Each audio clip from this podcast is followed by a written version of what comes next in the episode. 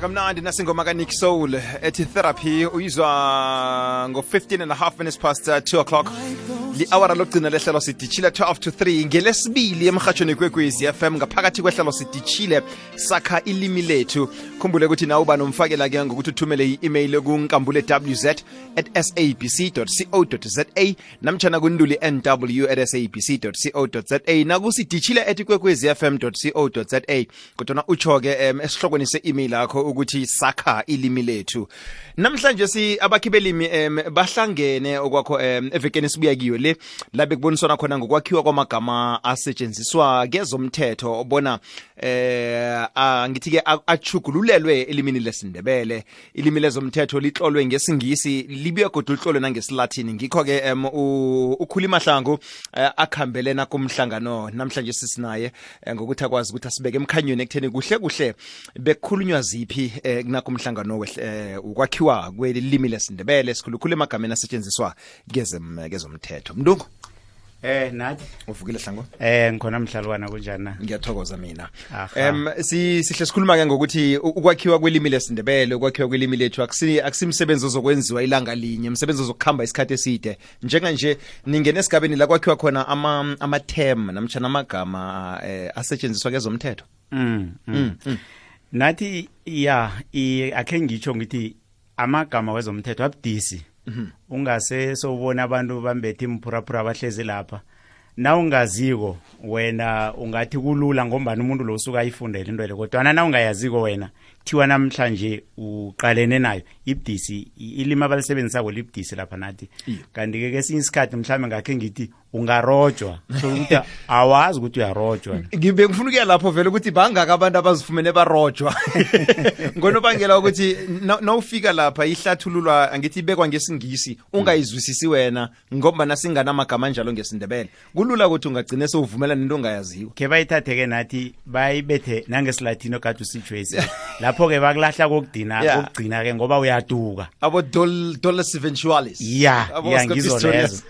Nathi-ke eh nasele batsubhula lapho vane kubudisi-ke akhe ngithi-ke amanye wamagama eh besiqalene nawo siwachugululela esikhethwini amagama afana nokuthi abide judgment eh okuhlathulula ukuthi kuthambele sahlulelo somthetho.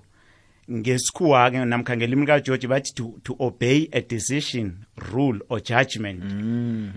Eh lapho ukuthi isahlulelo nasiphumile kufanele usithambele. And siyazi ukuthi into bathi yi-judgment kanengi iphuma eh hlangana nen- nendaba zomthetho. Akusayi akusiyinto nje engakunikela yona ngithi mina you abide by this judgment. Yeah. angisili ijudge namkha umagistrate amanye kamagama nga- ngase ngithi ngilele bathi okay thina ke la nas- nasilisebenzisako igameli silisebenzisa ngendlela ezihlukileko. Eh si- ngesingathi silibiza ngegama linye. Khe ngithi i-judge president namkha i-chief justice. Okay. thina la besibiza ukuthi ngumengameli wamajaji. Noma kuphi nje behluka ngokuthi nasithi ngumengameli wamajaji besihluka besihlukanisa ngokuthi wekhotho yiphi. Siyazi ukuthi la eGauteng eh kune high court north Hi- eh, North eh, Gauteng North High Court. Gauteng high court ne south eh yeah. Gauteng high court. Esejobek yeah. Bese ke uchief justice ngotholakala econstitutional court. Eh ngubaba umhwengi mhwengi thina ke besibabiza ngendlela efanako. Kodwa na ke nasele ngomba namagama lana siwakhako sibe siwakha sinamagcwetha befanele bahlathulule ukuthi nasikhuluma nge-judge president sikhuluma ngani nasikhuluma nge-chief justice sikhuluma ngani. Bona-ke ke sabona ukuthi nabathi chief justice batsho umengameli wamajaji wekhotho yomthetho-sisekelo. Bese i-judge president umengameli wamajaji wekhotho njengodustin mlambo. njengoDustin Mlambo. Okay, shuthi okay. kuya ngokuthi ungumengameli wamajaji wayiphi khona? Sithi North Gauteng. Then South Gauteng. Then la sizokuthi wekhotho yomthetho sisekelo wow, wow. kuhluka njalo ke kuthi inkhundla zabo zihluka ngaleyo ndlela. Kodwa nefanele sikwazi ukuthi uchief justice eh ngongaphezulu kwawo wonke amajaji akhona eSouth Africa ngombana usebenza econstitutional court ekhotho yomthetho sisekelo Yomthethosisekelo. M- magama a- ahlaleleneko la wena mahlangu afana nawo la chief, eh, chief justice judge president njengamagama afana ne-section subsection clause amagama lawo ahlalelene. Kulula nokuthi umuntu angagcina waphambanisa nawo. Ya njengoba nusaya lapho ke u nathi ke igama le section kuhle kuhle kuhle besithi yindi indinyana yomthetho. Ayahluka ke lamagama kanti ke akusinjalo. Nasele basihlathululela kuhle sitholile ukuthi u section sigaba. Ngoba it refers to a part of a legal document. Bese ke kuba no subsection u subsection akakhambe ayedwa ke kodwa uba ngaphasi ko section futhi uyi uyi usigatshana esingaphasi kwesection esingaphasi kwesigaba. Ngikho sithi sigatshana bese kuba neclose iclose ke ngiyo ebathe yindinyana ke leyo nasicala ngoba besiphuthulula nomthetho sisekelo la bes- besikhona. Bese sakhona ukuzihlukanisa ukuthi isa- isection nesubsection neclause zihluka bunjani. Ngombana oku- okhunye ukubudisa ukuthi indwezi uyazithola emthweni munye namkha kuparagraph yinye. Izokuhlula ke wena uzoloku ukhuluma ngo- ngo- ngendinyana awusa- asazi ukuthi ukhuluma ngayiphi indinyana. Umuntu nakavula umthetho osisekelo ayisindinyana into le subsection. Ngiyakufuna ngikuzwa kuhle. namkha sigaba. Ngikuzwa kuhle uyabona? ngikuzwa kuhle. Eh. Bese kuba namagama afana ne- ne- ne- ne-sheriff i- i- lisebenza kaningi ke kodwa leli lokha naku- nakunama-summons namtshana umuntu athunyelwa ama-summons. Aha nam, na, noma namhla mhlambe umuntu uyathunywa ukuthi ayoku-attacha ipahla. Oh yeah oh yeah. Ya nayo thina vane sithi uthathela ipahla. Injalo. bathi-ke nabayihlathulula ku-sheriff sithunywa sekhodo and nangabe uya uyoku-attacha ipahla vana ngayoyithatha vana ayoyibala ukuthi lapha ngithole lokhu nalokhu nalokhu. Bese athi net njengoba nila ingasuki is attachment. Akakayithathi kwenzelelwa yini ukuthi usayokubika-ke phela ekhodo ukuthi ngiyitholile impahla engiyithole ngile nale nale. Nabaceda ukuyithola-ke si- u- uye- bayazi nababuya bazoyithatha bayithatha ngephepha ukuthi o bathe kunempahla le nale nale nale. Ngizofanele zilayitshweka vane sebayibophile nakhona bayibopha la ihlezi khona. Sithunywa sekhotho-ke leso. Usakhulumisa ipahla njalo. Be- li- lisebenza kaningi igama lokusequestrator um sequestrate yini-ke ise- i- nakhulunywa nge-sequestrate vane kukhulunywa ngani? I-sequestration ke kuthiwa kutshoniswa komuntu ngomlayo wekhodo In- igama le-sequestration kaningi lisebenza ekhodo akunakuthi umuntu okuhamba lapha endleleni angakusequestrate. Ngikho sithe kutshoniswa komuntu ngomlayo wekhodo kuphuma umlayo.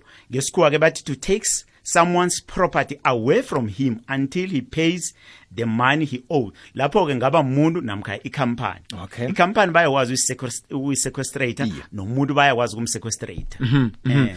Um u- usakhulumisa i kutshoniswa komuntu ngokomlayo wekhodo ngokomlayo wekhodo okay. Ingasi ukuthi ngase sengikuchonise mina njengabo umachonisa esibaziyo umachonisa lo naye ngelinye igama lelo. ufuna ukusithema lapha ngikoloda uthi i'll sequestrate you. Injalo nathi abasaziko kisikhwezi Ba- abasazi isikhuwa. Bese-ke na ungaphakathi ekhotho kunamagama akhona nakhona ukhulumise igama le, le, le, le sequestration ukuthi ligama lisebenza ngaphakathi ekhotho. Nangu ummangali um namtshana ummangalelwa ujame ekhotho ngaphakathi um u liqala lakhe kulalelo liqala lakhe. Kuhle kuhle u- ujame phi? Sithi ujame phi lapha? Vane sithi ujame ebhokisini nabasihlathululelako bathi ujame ebhokisini ngombana sekangekhotho uyagwetshwa ke loyo. Kodwana ummangali bathi akajami ebhokisini unendawanako ummangali iye. Iye. kujama lo mmangalelweko ngummangalelo ojama umangalelo Ojame ojame yeah. ngombana nguye ogwetshwako namkha ekulalelwe indaba yakhe ukuthi wenzeni. Mhm, u- bese kuba kuba nesikhathi ke la kukhonjwa khona lo omangalelweko lo. Lapho ke nathi ke sihlukanise kabili ke kunento enye bayibiza ukuthi yi yi parade. Okay. i parade thina kaningi sijwayele i parade i parade yenziwa e police station. E police station mhlambe um- um- ummangali bamenze intwanyana embi. Bese ke akho- akasakhumbuli kuhle kodwa ukuthi nangingambona ngingamkhomba. Batsho vane bathatha abantu abalingana uyazibona umdanyana msi? Vane bathatha abantu abalinganako. Ngiyavuma. ukuthi u- kungabi nomuntu omude nomfitshane. So that kwenzelela ukuthi u- u- u- u- uqinisekisa ukuthi into oyikhulumako le uyayazi. ucinsile ungakhona nokumkhomba umuntu omtshokolo mhm. bese bathatha abalingana kwa nengathi bayafana nangabe uhlazana mhm. bokuthatha engathi bahlazana. Mhm. Babodwa ngeze babahlanganise nomhlotshana. Nabakhanya ko bafana nathi nje kuthathwa thina-ke. Ya. Wena bese ngikuhlazana ngazi uthome namhlanje ukukhanya na. Ungangiqala uhabile hlangu uzigedle bese-ke nathi kunento le bathi yi-dog identification. Mm -hmm. i-dog u udog ayiwenja we-d o c k. Weboxela weboxela yeah. Eh lapho ke bathi vane umsolo akhonjwa ngaphakathi ebhoksini uh, iparade vani ingakenzeki mhlambe kuhlulekile ukuthi zange kube nesikhathi sokuthi yenzeke.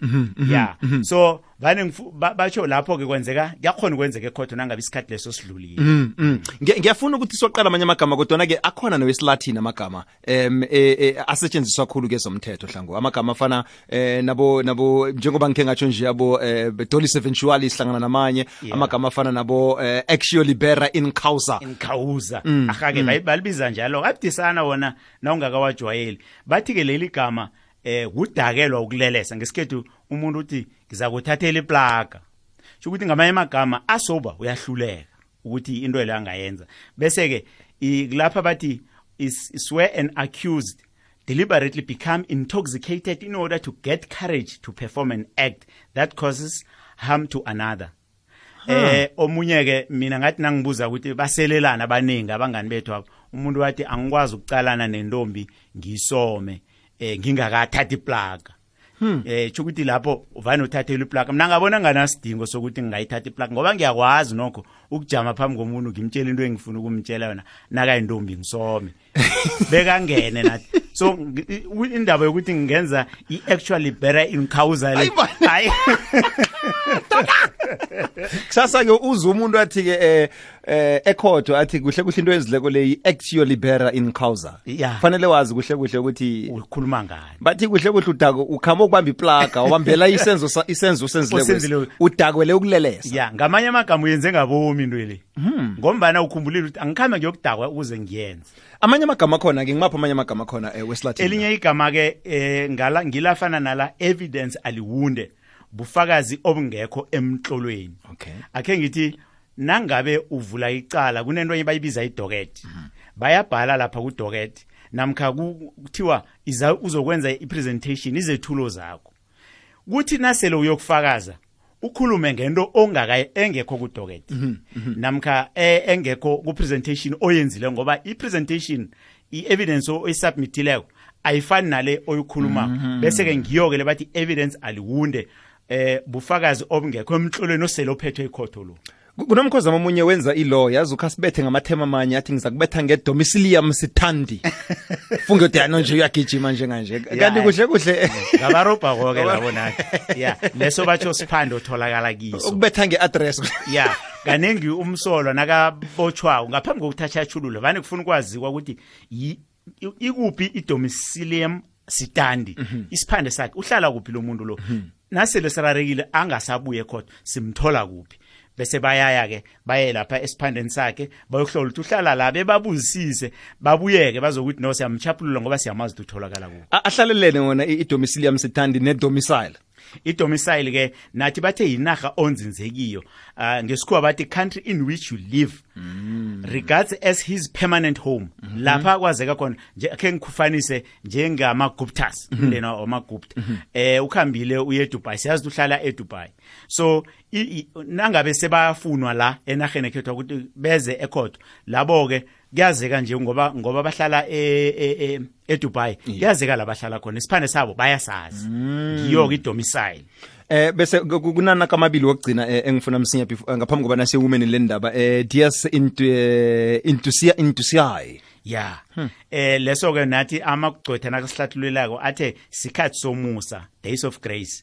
Eh mhlambe unegcwetha igcwetheli kufanele lithule lenze izethulo ezithileko ngawe.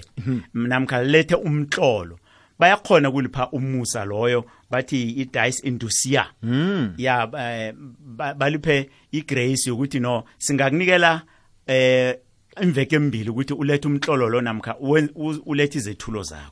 U- ukhulume ukhulume ngesheriff lokho ukuthi sithu- kusithunywa sekhotho em eh, begodwa siyeza ke sheriff sokuathacha bese kuba negama ke livelako la i- i i- curator bonus. Loyo ke mphatheli impahla namkha mabi mahla mafa nasemcalako namkha umlawuli impahla loyo ke umuntu ekuthiwa ngesikhuwa bathi it's a person appointed by, by court to manage the property of a person for reasons uh, satisfactory to the court. Kuyenzeka ke lapha nathi nabayihlathulula ukuthi nangabe eh eh mhlambe akhe ngithi ngiya ngiya ngiya ngi- ihloko wami le ayisebenzi kuhle kodwa nanginempahla engiyiphetheyo Oh. enginayo. Angikhoni ke ukuthi impahla le ngingayaba kuhle ngombana angisa ihloko amla Ayisasebenzi kuhle. Iziningi izinto ezibangela ukuthi umuntu ihloko ingasebenzi. Bese ikhothe appointa i-curator bonus ukuthi akwazi ukuqalela amafa la. Yazi bengizokubuza vele ukuthi eh, bese uba yini u- u- u- em, njenge former deputy chief justice naba nakaza uba yi-curator yena ne nguye curator oh, nguye oh. curator epahleni ka- kababa uNelson Mandela uNelson Oh, Mandela yeah, oh, Yeah. yeah. ngale kwalapho hlangu um ngiyacabanga ukuthi nakunemphakamiso nakhona zingamke- zamukelekile musi impha- e- e- imphakamiso ezikhona ya uqinisile nathi bangazithumela lapho kulama email eh, akhona lapho. Ngicabanga ukuthi uzababizela athi wona nduli nw at sabc co za ngikambule wz at sabc co za nakunduli sj at sabc co za mahlangu sithokozile ehlelweni sakha ilimi lethu msweli M- em, khalangana zindaba zephasi